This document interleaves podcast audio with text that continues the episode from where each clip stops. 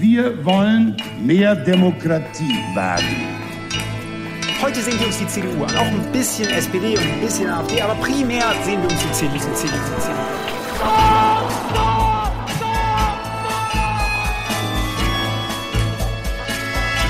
Niemand hat die Absicht, eine Mauer zu errichten.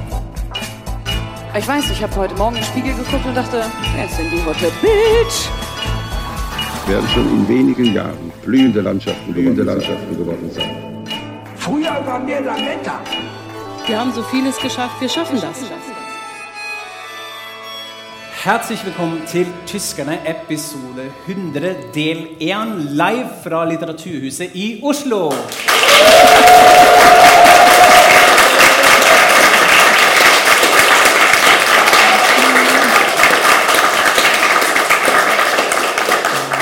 Veldig, veldig veldig bra, og helt spontant. Tusen takk. Så her sitter vi altså på en scene, Ingrid og jeg, eh, og skal feire at vi blir 100, som vi sier, med ekte mennesker foran oss. Dette er helt fantastisk. Vil Helt du si hallo også, Ingrid? Ja. Hei, hei. Det er vidunderlig å se dere. Det er Helt- virkelig. ja. Tusen takk at dere tok turen. Ehm, vi tenkte ok, 100 episoder, nå må vi feire ordentlig. Hvordan gjør vi det? Jo, kanskje ved å snakke om de ting som vi digger aller mest. Dette er politikk. Og dette er språk og kultur. Og vi tenkte ok, vi begynner litt med eh, politikk. Og der med store ambisjoner. I episode 100 da må vi kjøre på eh, og tenkte dette her, nå må vi gå all in. Nå blir det en skikkelig deep dive. Så vi har kalt dette 'Dype tanker, lange linjer og store spørsmål midt i valgkampen'. Bare for å legge det sånn helt lavt. Vi må jo si litt om motivasjonen. eh, Hvorfor vi, gjorde dette her. Dette er, det er alltid veldig gøy å bli intervjuet av NRK Radio for eksempel, eller andre medier, som vi jo blir, også spesielt du og politikk. Men jeg litt også. Og, men vi har etter hvert begynt å le litt av alle disse store spørsmålene eh, som eh, vi får av norske journalister spesielt. Altså F.eks.: Hva er arven etter Merkel? Eller hvorfor er AFD større i øst enn i vest? Eller det verste av alle, sier jeg i hvert fall. Hva mener tyskerne om et eller annet tema? Og da ikke oss to tyskerne, men altså 80 millioner pluss mennesker tyskerne. Og gjerne litt sånn svar på ett minutt. Ikke sant? Det er det. Så, vi, så sitter vi med det der. Gøy. Og jeg, kan, jeg syns at jeg kan le av dette med god samvittighet, for jeg har nemlig stilt folk sånne spørsmål sjøl mange ganger. For det, man gjør, det er det man gjør når man ikke har eh, tid og krefter til å eh, forberede seg ordentlig på et eller annet eh, nytt tema. For sånn er livet som journalist. I Norge. ja, den tar vi ikke nå. og det er jo også å overlate ansvaret til den som skal svare, til å klare å svare på en eh, meningsfull måte. Da. Og da kan jeg jo gi et lite innblikk i hva skjer oppi min hjerne når jeg får spørsmålet hva er Angela Merkels arv? Og da suser det forbi CDUs lave oppslutning, AFD, partilandskapet, fattigdom, Russland, Kina, demokrati, likestilling, EU, jakkene hennes, kanskje litt potetsuppe. Så da gjelder det da å ikke bare svare det første og beste som liksom ramler inn i hodet, eh, men tenke at ok, nå skal jeg svare noe som er begripelig for en tilfeldig eh, radiolytter. Som, eh, at hvem som helst kan bare få noe ut av det når de hører. Og da svarer jeg f.eks.: Jo, Merkel etterlater seg Tyskland nesten uten arbeidsledighet. Et land som er den økonomiske drivkraften og det viktigste landet i EU. Eh, hun har hatt en internasjonal posisjon som forsvarer av det liberale demokratiet. Men på hjemmebane står partiet hennes svakt. Det har oppstått et stort parti på ytre høyre fløy. Og tyskerne føler at de er i en overgangstid, og de vet ikke helt hvor veien går videre. Men det er jo også det som jeg Nå må jeg skryte litt av deg, beklager, jeg vet ikke om du liker det. Men hvor, du er jo utrolig flink til nettopp dette. altså Å gi disse oppsummeringene til disse gigaspørsmålene. Og uh, også hvis man er litt inne i tematikken, så, så skjønner man jo at alt er med. Så dette, dette er veldig, veldig bra. Et veldig bra Tusen takk, svar. Jeg holder litt pusten. Uh, men nå eh, kan vi jo svare på, på litt mer enn et minutt. Eh, Det er det som er gøy eh, i denne episoden. Så her skjærer vi gjennom valgkampkjappheten og ser på mer underliggende strukturer. Vil du begynne for eksempel, med å vise frem din favorittgrafikk for Ja. å, å lede oss inn? Endelig. Ok, vær så god. Og det kan, jeg må bare si et lite forbehold først. Det kan alltid diskuteres hva er Merkels arv, og hva er utvikling som eh, ville skjedd uansett. Og den skal vi ikke ta her nå. Så nå svarer jeg på spørsmålet hva er Merkels arv, ved å prøve å beskrive hvordan er situasjonen når hun går ut av eh, kanslerstolen. Eh, og det som er, det er at det er et veldig annerledes eh, partilandskap nå enn det var da hun kom til makta i 2005. Og enda mer annerledes enn det var da hun gikk inn i sin første regjering eh, rett etter de vende. Og denne grafikken som dere ser, den er altså 30 år. Dette er hele Merkels tid i det demokratiske eh, Tyskland. Og det, jeg skal ikke detaljforklare, ikke være redd for det. Men det som jeg liker veldig godt med denne grafikken, det er at man ser så innmari lett at før i de gode, gamle dager da var det bare to partier som skifta på regjering, nemlig de svarte eh, kristeligdemokratene og de røde sosialdemokratene. Og så har du det gule som ligger nede i bånn der, eh, Fridemokratene, som støtta enten den ene eller den andre. Det var normaltilstanden i tysk politikk eh, siden eh, krigen, egentlig. Eh, og så har først sosialdemokratene rast og rast og gått nedover og nedover i oppslutning. Og så har også kristeligdemokratene fulgt etter. Eh, og så har man Det er nesten ikke synlig, men her rundt 2012 så er det faktisk Piratpartiet en liten blipp som kommer opp av, i en sånn boble. Og så like etterpå så begynner jo AFD, som er den lyseblå. Og de har jo skapt eh, en stor endring bare i kraft av at ingen skal samarbeide med dem. Eh, og da har man også, Der man før hadde to store partier, så har man nå tre ikke så veldig store partier. altså Sosialdemokratene, Kristeligdemokratene og De Grønne. Og så har man et parti som man ikke skal ha noe å gjøre med. Og så har man to uh, mindre uh, partier. Og, det, og, da føles det nok akkurat sånn som det ser ut som for dere her. Rot og kaos er det mange som føler når, uh, i det politiske landskapet i dag. Og når man til og med tar med i betraktning at den tyske valgbefolkninga har en veldig høy gjennomsnittsalder. altså Tyskland er det eldste landet i Europa. Og mange føler at det politiske landskapet fortsatt er sånn som det var borti der en gang. Eller i hvert fall burde være det eller noe. Det bidrar også til den følelsen av eh, en litt sånn uoversiktlig situasjon og en overgangsstemning. Jeg vet ikke helt, men sånn kan vi ikke ha det. Litt sånn tror jeg mange eh, tenker. Og det er jo kanskje også politikere ikke sant? iblant som føler dette, litt avhengig av hvilket parti man er fra, eh, at man fortsatt står i den, burde stå i den stabiliteten. Uh, og sånn. Du nevnte jo uh, Sosialdemokratene allerede litt. Og i flere år har det jo vært snakk av sosialdemokratiets undergang. Ikke bare i Tyskland, men også i Norge og i andre land. og vi ser jo hvordan de har hatt et slags forsprang på nedgangskurven her, kanskje.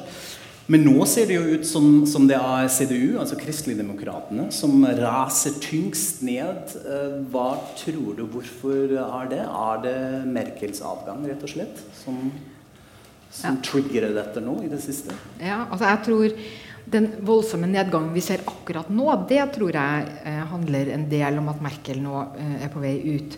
Og nå har ikke jeg klart å finne noen sånn analyse av hvilke velgere er det som nå forlater det synkende skip. for å si det sånn. Men jeg vil gjette at det er en overvekt kvinner. Og det gjetter jeg fordi eh, CDO er et De har overvekt av kvinnelige velgere og hatt det veldig lenge. Eh, og jeg tror at mange har stemt på CDO pga. Angela Merkel. Og så eh, forsvinner hun, og så er det akkurat som sløret går bort. Og så ser man alle de mennene de har i CDO, og hvor få kvinner de egentlig har. Så det blir en slags sånn sannhetens øyeblikk, og da går de heller eh, til noen andre. For det hører også med at mange av de som har valgt CDO pga. Merkel, de er jo også sentrumsvelgere. Altså de kan ganske lett gå over til De grønne eller sosialdemokratene. Um, så det tror jeg akkurat nå handler om det. Men det er jo, uh, som vi jo ser, egentlig en, um, en forandring som har pågått over mange år. Um, og det er litt internasjonal trend. Alle store partier blir mindre i, i, alle land, tror jeg. Eller i hvert fall veldig mange land. Eh, men eh, jeg tenkte også jeg skulle sitere litt fra en eh, veldig god analyse. Fordi det er også noe helt spesielt tysk med CDO og med det som foregår. Og jeg har blitt en stor fan av en kommentator som heter Bernt Ulrich. som jobber for Ditt Site. Og han har skrevet en ganske infam analyse av dette i januar. Og da skriver han dette direkte sitat. I 71 år med forbundsrepublikk har de i altså de har de i 51 år hatt kansleren i Bonn og Berlin. Likevel klarer ikke partiet i dag å si hvem de er, eh, eller hvordan det står til med det spesielle forholdet de har til folket. For å forstå krisen i CDO så må man først forstå hva suksessen besto av. Og svaret på det spørsmålet det er selvtilfredshet. CDO er partiet for dem som har vært fornøyde. Sånn i det store og hele. I vår tid så høres det bare banalt ut, men i etterkrigstida så var det motsatt. Etter den totale moralske katastrofen i tysk selvfølelse som krigen utgjorde, så måtte den bygges opp igjen. Og ved at systemet og økonomien begynte å virke, så fikk man noe nytt å være fornøyd med. Og CDO har dermed vært partiet for den gode samvittigheten.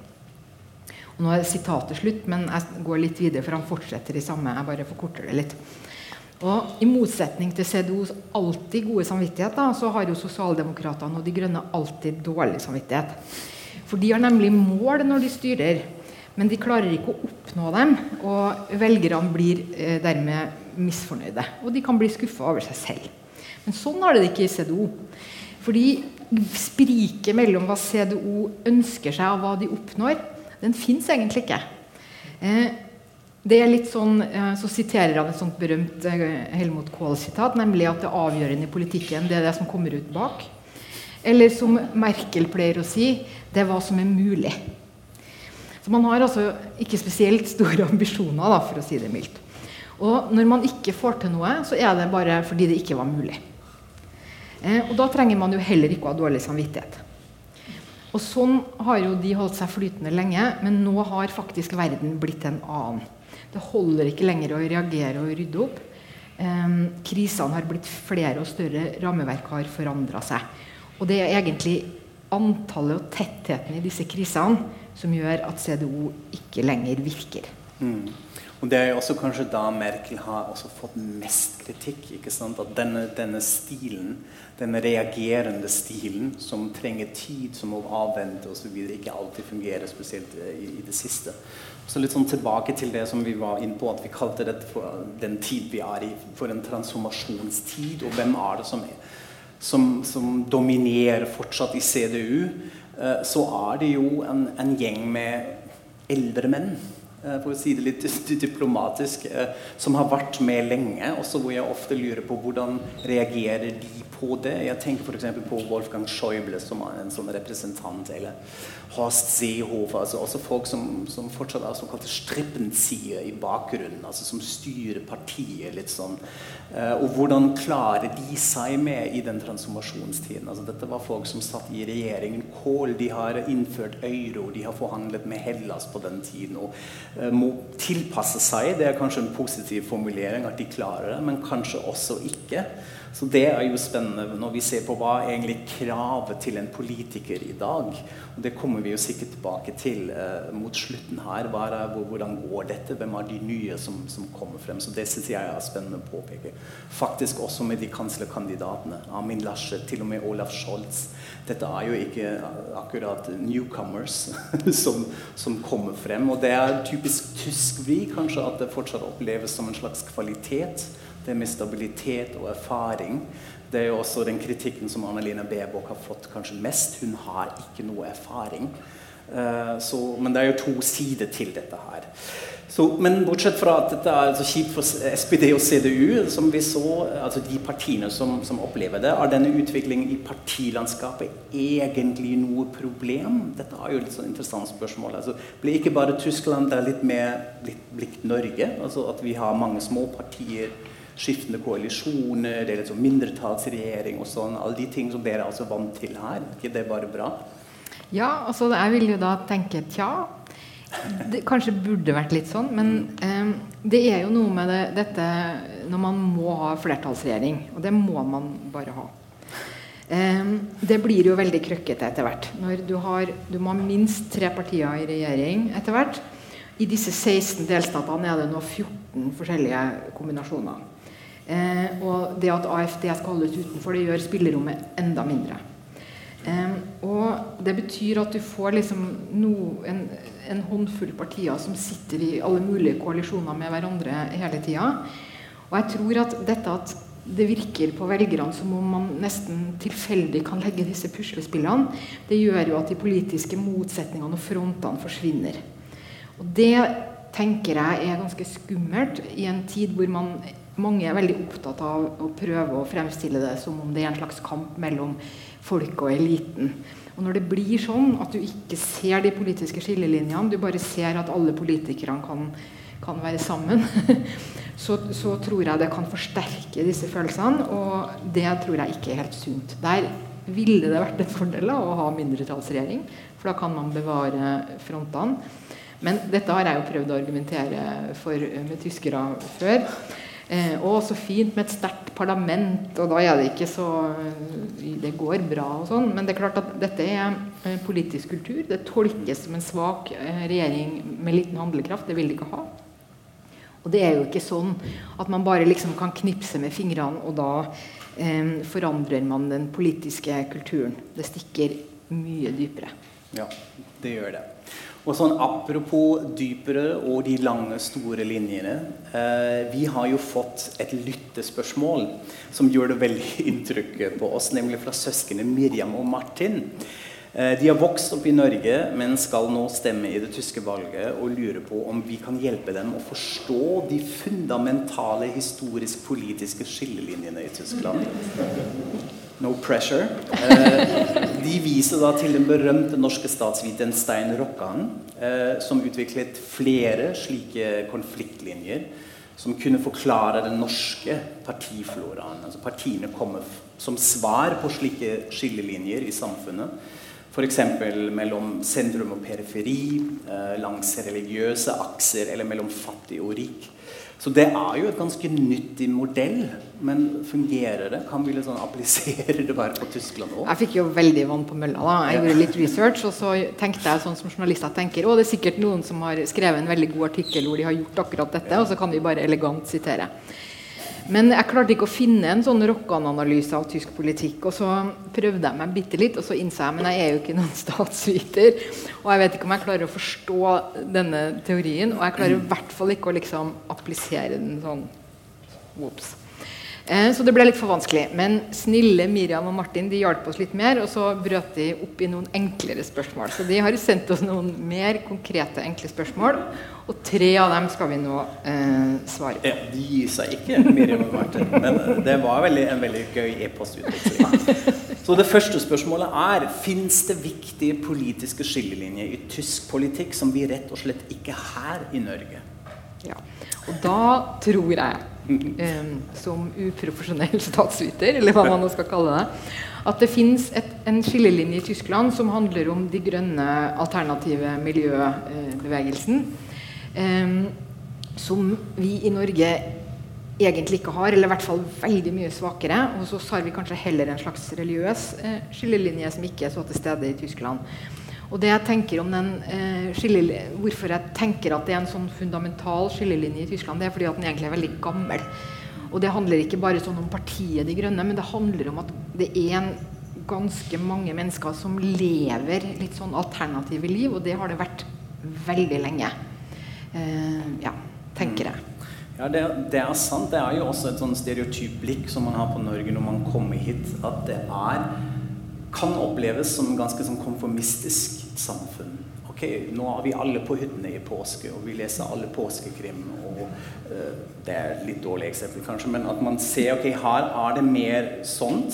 Og så den andre siden til det. Kanskje dette er også en forklaring for f.eks. For kvedenke-bevegelse i Tyskland, som vi har nå sett under korona. Altså protestene, demonstrasjonene mot regjeringstiltak som har jo blitt gigantisk i Tyskland, og en, en sånn, et sammelsurium av mennesker.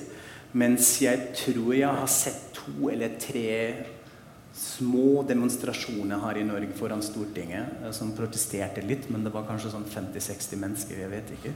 Så kanskje det er der det manifesterer. altså Det er alternative livsstil som, som er mulig på godt og vondt. Jeg vet ikke. Ja, eh, jeg tror litt sånn. Og så må vi jo alltid huske når vi sier sånn gigantisk og sånn, at det er et gigantisk land, da. Ja. Så sånn prosentmessig så er jo heldigvis ikke kverdenkerbevegelsen eh, voldsomt Ja. stor. Men den er likevel større enn en i Norge, Mm. og, og preger også samfunnsdebatten litt annerledes. Um, ja. Eh, det andre spørsmålet eh, hvor eh, sterke er båndene mellom sosialdemokratene og fagbevegelsen? Og, hvor mye direkte og indirekte makt har røsla eh, i dag? Og da er intuitive, mitt intuitive svar på det det er det at her ligner det egentlig ganske mye på Norge. Det er fortsatt sterke bånd mellom Arbeiderpartiet eller da SPD og fagbevegelsen. Men det gjelder den mer sånn tradisjonelle fagbevegelsen. Altså de organisasjonene, altså type industriarbeidere og sånn, som, som er veletablerte, som tjener bra, og, og som er gamle eh, organisasjoner, men de ikke har noe særlig grep og forbindelser til eh, disse nye, de som går eh, nattevakt på 7-Eleven eller, eller eh, jobber i eh, i sånne midlertidige stillinger eller ja, alt dette her. Der har de ikke noe bedre grep eh, enn i Norge heller, tenker jeg. Mm, ja, ja, det er interessant. Og så er man da jo litt tilbake til den skillelinjen også mellom fattigdom og rikdom, og hvordan fattigdom egentlig defineres. Det har jeg også registrert i Tyskland, som skaper noen utfordringer da. Så jeg jeg syns det er alltid veldig spennende å lese denne årlige fattigdomsrapporten. Eh, Fordi da ser man at det mer og mer ikke bare handler om, om inntekt, men også om tilgang. Da også kulturell tilgang og eh, kunnskapstilgang og sånne ting som man legger mer og mer vekt på, som begynner å speiles i, i ulike partiprogrammene, eller ikke. Som man har f.eks. sett i AFD sitt program, som var ganske interessant. Men så er det igjen denne utfordringen til sosialdemokratiet som vi, som vi har snakket litt om. Hva er egentlig arbeiderklassen i dag? Eh, Hvordan defineres dette, og hvordan klarer de å nå ut og kommunisere med det? Jeg tror også at dette er mye mer egentlig nå disse prekære arbeidssituasjonene som trenges å snakkes til. Eh, under korona har vi sett det eh, enda tydeligere. Og da er det interessant å se hvor vellykket eller ikke det er å bruke sånn ideologisk preget språk, som f.eks. Eh, SPD i Tyskland fortsatt sliter litt med. Eh, Jeg tenker da f.eks. på et sånn, eh, litt omtalt intervju som Kevin Kunat, eh, som var altså styreleder av ungdomsorganisasjonen i SPD, og som er nå nestleder av SPD, ga til ditt site, hvor han snakker litt om hvordan man kunne egentlig ja, anvende en ny form for sosialisme i, i tysk næringsliv. Uh, Bl.a. med å gå inn i de eh, store bilselskapene som BMW eller Daimler og eh, nasjonalisere de, eller innføre sånn deleierskap og sånne ting, som altså blir store rabalder. Hvor jeg også tenkte ja, han har jo ikke helt sagt det, men samtidig har han sagt det, og har kanskje budskapet nådd frem. Hvis man hadde kvitt seg litt med det ideologisk pregete språket. Og det fins jo også i andre områder i denne, denne debatten òg? Ja, for jeg tenker Det sier jo også noe om at det er, at det er en radikalitet Mhm. eh, i tysk politikk som kanskje også står litt sterkere da, enn enn i Norge. Eller nå får vi jo se det som bevegelse her, og at det er nesten vanskelig å, å si noe. Men, men eh, jeg tenker på um, i, i Berlin Det er jo valg i Berlin samtidig som det er valg til forbundsdagen. De skal også ha en egen folkeavstemning.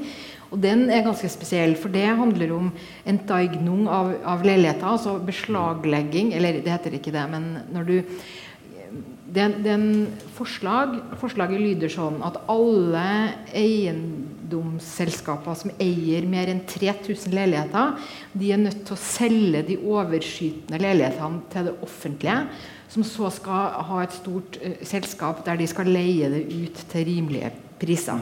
Og det er beregna på å koste nå husker jeg ikke, 100 milliarder, eller det er selvfølgelig kjempemasse penger.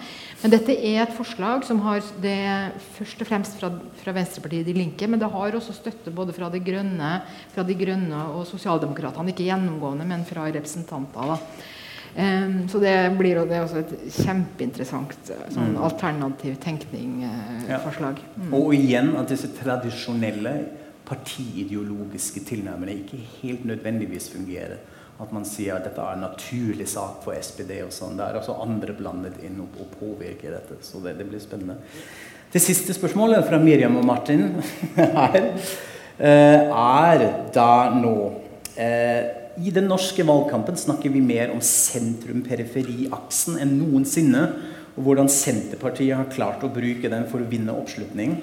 Har vi egentlig noe tilsvarende i Tyskland, eller er det rett og slett for mange folk for tett til å holde seg med den slags? Jeg syns det var en veldig bra nesten svar i spørsmålet. Eh, tenker jeg ja.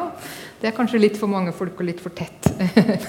og så er det jo også noe med at den um, føderalstatkonstruksjonen gjør jo på en måte at du har mange Du har jo et sentrum i hver delstat. Og så har du jo også områder som er bare så tett at det ikke er plass til noe periferi, vil jeg nesten si. Uh, og der bryr det seg heller ikke spesielt mye om Berlin. Det er ikke noe de tar så veldig på alvor, er mitt uh, inntrykk. Så på, en, på den ene sida vil jeg si nei, du har ikke den type eh, spenninger. Men jeg, jeg tenker også at den øst-vest-skillelinja i høy grad egentlig er dette. Det er en sånn sentrum-periferi-skillelinje. fordi at eh, de østlige delstatene er veldig spredt befolka, har lite industri, få byer. Og dette er da noe som er mye eldre enn på en måte uh, DDR-tida. og sånn. Det har ligget der lenge at det er sånn det er. Mm. Ja. Men um, da jeg drev og lette etter disse skillelinjene og den geniale Rokkan-artikkelen som jeg ikke fant, så fant jeg en, en ny skillelinje. Eh, det var nemlig en, en, stiftelse som heter Bertelsmann, som gjorde et, et sånn skillelinjestudie ved forrige valg. Da fant de et, noe de mente var nytt, nemlig markert, en markert et markert skille mellom de som er skeptiske til modernisering, og de som er tilhengere av modernisering, eller gleder seg av modernisering. Og Denne konfliktlinja den går tvers gjennom det politiske sentrum. Så den går gjennom alle partiene.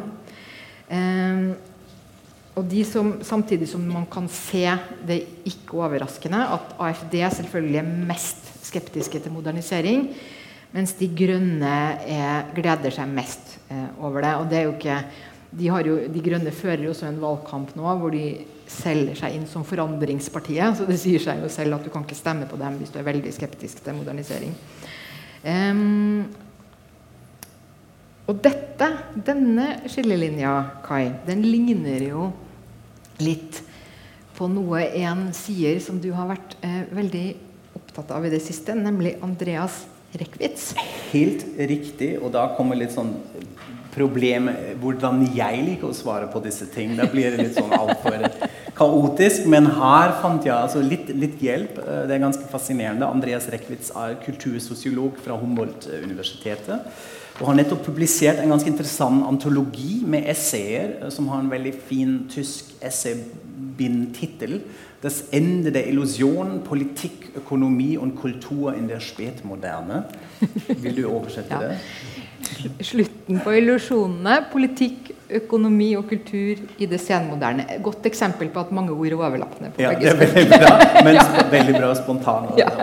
Og dette høres, altså Det ende der illusjonen er jo ganske eh, dystert, men jeg syns egentlig at eh, det er ikke så dystert. Det er ganske fascinerende fordi Eh, Rekvitz i flere essays prøver på en måte å redefinere uh, historieskriving som vi har hatt, kanskje etter andre verdenskrig. Også kanskje um, kartlegge en slags alternativ historie. Uh, også med tanke på hva, hvordan vi egentlig plasserer partiene og politikken der inne. Og en hypotese er for, her er f.eks. at han mener at det at man holder fast i en sånn klassisk inndeling til venstre og høyre ideologi på det partipolitiske spektrum er rett og slett feil.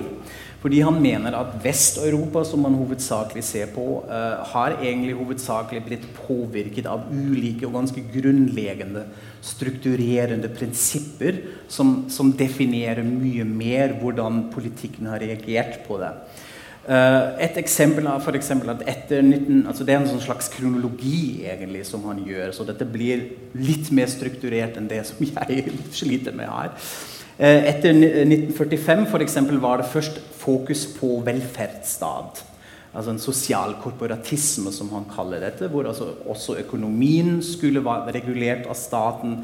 Dette var på en måte et veldig sosialdemokratisk prosjekt. Vi ser en sånn ekstrem variant av dette også i DDR, selvfølgelig, med planbudsjett og alt det der. Men vi har også sett det samme i Frankrike, med de Gaulle, som hadde en, en tydelig agenda på dette. Så på den andre siden av det politiske spektrumet. Og etter hvert også de sosiale maktwirtschaft, som vi kaller dette i, i Tyskland, i Vest-Tyskland, som var et tydelig CDU-prosjekt. Veldig katolsk prosjekt. Katolsk, eh, konservativ drevet. Så her har vi allerede egentlig en slags reaksjon fra alle politiske partier på det samme grunnleggende prinsipp. Og som resultat av alt dette kom, eh, kom, det da det han kaller for en overreguleringskrise etter hvert. Både økonomisk, men også kulturell. Og nå er vi altså på 70-tallet. Eh, det vil si eh, en slags konklusjon hvor man, hvor man sier ok, nå har vi for mye stat.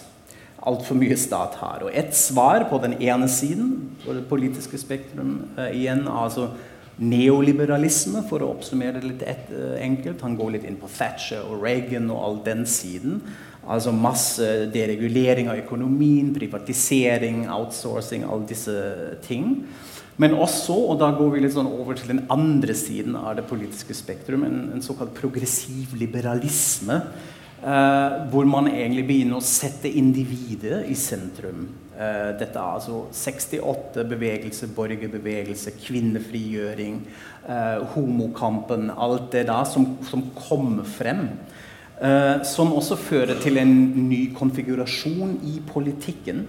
og da er det ikke bare en struktur som skapes her, men man sørger også for en slags dynamisering tilrettelegging på tvers av det politiske spektrumet, som da ikke bare er sånn venstre og høyre. Uh, eller det blir dekket av begge deler, det er poenget til, til Rekvitz. Og den situasjonen som vi befinner oss nå, akkurat i dag, denne overgangstiden som vi har kalt det her, er da veldig preget av en slags kulturkamp, mener Rekvitz, som jeg syns er veldig interessant. Hvor vi på den ene siden har dette som man kaller for hyperkultur.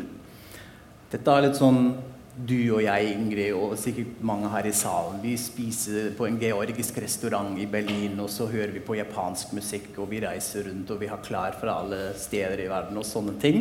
Altså en, en åpen, tolerant eh, Ja, det er jo absolutt også. Den økonomiske siden kan jo også diskuteres hva dette, hva dette innebærer. Eh, men på den andre siden mener han har man da altså en kulturessensialisme. Og dette er da altså AFD, dette er høyrepopulistene, dette er nasjonalistene som vil tilbake til røttene uh, og uh, ja, ekskludere, innskrenke uh, og gå, gå, tilbake. Og det er der det ligger, og det er der um, kampen ligger og, og, finne et slags svar. Ja, ja fordi da er det, Jeg så nettopp nå at altså, AFD sitt hovedslagord i denne valgkampen, det er da 'normal'. Ja, ikke sant? Ikke sant? Det, og det er jo nettopp sånn Nå skal vi til det normale ja. Tyskland. Og så kan vi jo se for oss hva det er. Men, ja. men sånn som jeg forstår deg, da, så er det sånn at man hadde først en periode etter krigen hvor man skulle forbedre Eller man skulle få til en velferdsstat, og så mhm. ble disse rammene veldig sterke. Så kommer det en tid hvor man sprenger seg ut. Og nå er vi da i, på vei inn i et slags nytt paradigme, da, eller jeg vet ikke om man bruker det ordet. Men, og da uh, er det en kulturkamp som pågår som nesten er en slags syntese, eller at det tar opp i seg begge disse. da. Veger av, begge ja. de uh, ja. utviklingene, absolutt. Og hans løsning uh, er jo rett og slett at han foreslår det som trengs av det han kaller for en einbettende liberalismus, altså en slags inkluderende liberalismus. Som en slags svar mot høyrepopulistene og, og ekstreme fra alle kanter egentlig som truer demokratiet. Med litt andre ord, altså staten må komme mer på plass enn vi kanskje iblant vil. Uh, og det er jo også det vi ser i, i ulike debattene, hvis vi tenker f.eks. som vi har i Tyskland mye, en debatt om internett, regulering av internett. Uh, burde ikke staten komme frem mer lovgivning? Hva gjør vi med selskaper som Facebook? Kan de bare holde på? Den debatten har vi i Norge her også.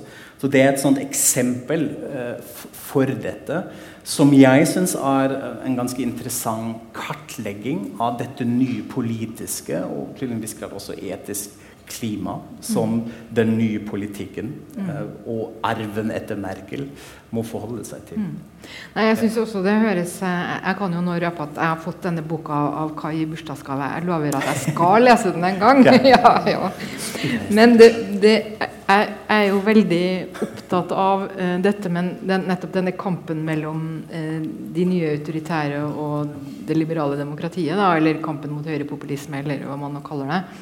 Ehm, og, og jeg tenker også det at det er hovedmotsetninga i politikken nå, egentlig, på europeisk nivå i hvert fall. Det er det som er viktigst, mest interessant. Det er der det skjer.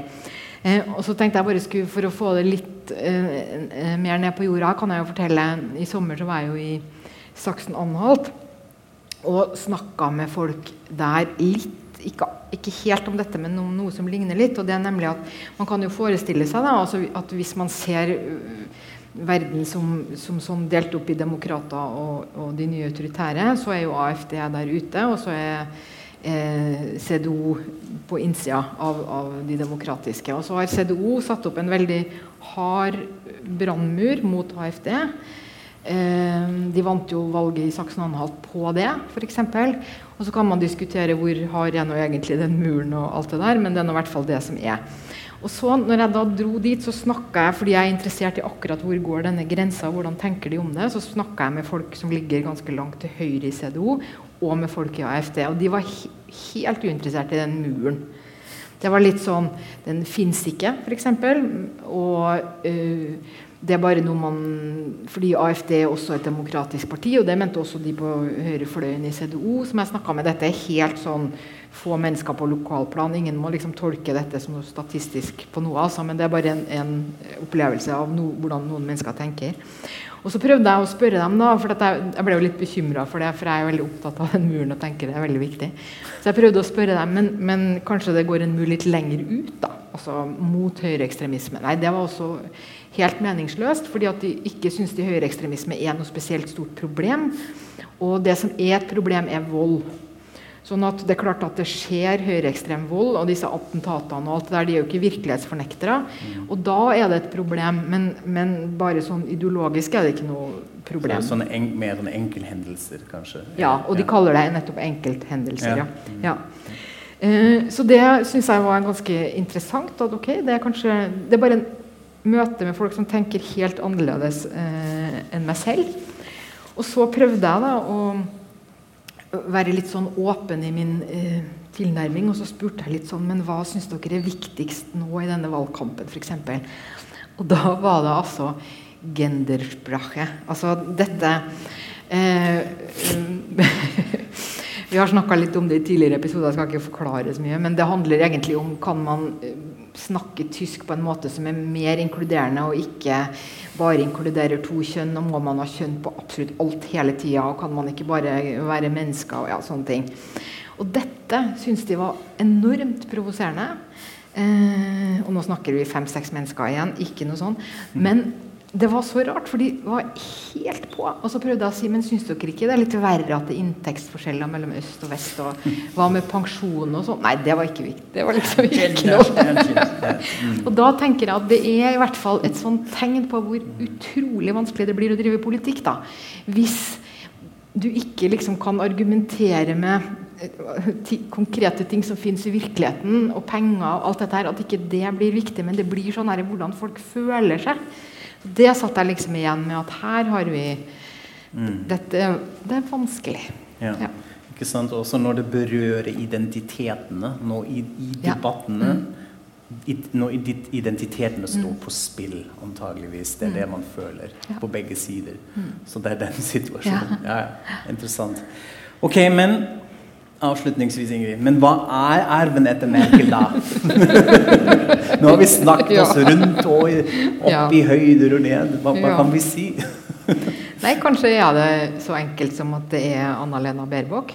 Og da mener jeg ikke at hun ligner på Merkel, men jeg mener at uten at Merkel har, hadde vært kansler i, i, alle de årene, og uten at Merkel har drevet en sånn veldig annerledes politikk, da, og bare på en måte i kraft av det nå er, har åpna rommet for hvordan politikere kan være, så er det ikke sikkert at en, eh, en 40 år gammel kvinne fra De Grønne kunne vært en reell eh, mulighet for å bli kansler. Litt mindre mulighet nå enn før, men fortsatt en reell eh, liten mulighet, vil jeg si.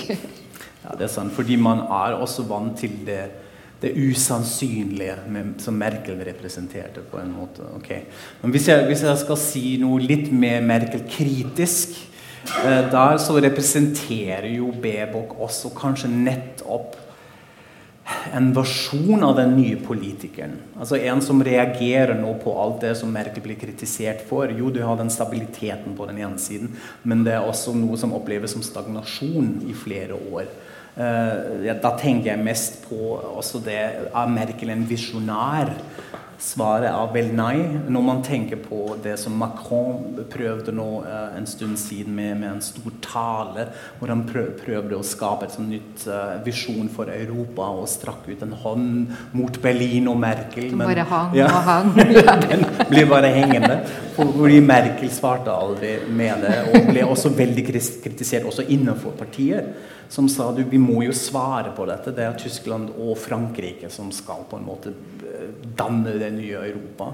Eh, så det er jo her, også under valgkampen, eh, tross alt, tross alle problemene de har, både Annelina Bebok og også Robert Habeck, den andre leder i De Grønne, som, som, prøver. Det skal være visjoner. Det er en sånn immanens fordi det handler om klima, og det haster. Men vi skal allikevel skape store visjoner nå. Og så er det det med ja, det vi var inne på nå, med den identitetskampen. Eh, hvordan klarer hun å forene dette som han, eh, en, en, en forfatter og humorist, Florian Schrøde, har kalt for skyttergravediskurs? Eh, at, vi, at Tyskland og andre land er preget av at alle sitter i skyttergravene sine og kaster granater. Og uh, venter ikke på svar. Det oppstår ikke noen dialektikk eller noen ting som er en stor utfordring til, til en person kanskje som Annaline Baerbock, som skal være ny kanslerin. Eh, eh, som hun allerede er preget av, som man ser i måten de kommuniserer, de prøver å være inkluderende, hvordan de driver valgkamp. Så det blir spennende å følge med. Og kanskje er det da den eh, på helt mikronivå at den arven er aller synligst. Nemlig, jeg hørte et intervju med Anna-Lena Baerbock hvor hun sitter og snakker om kanslerinnamt.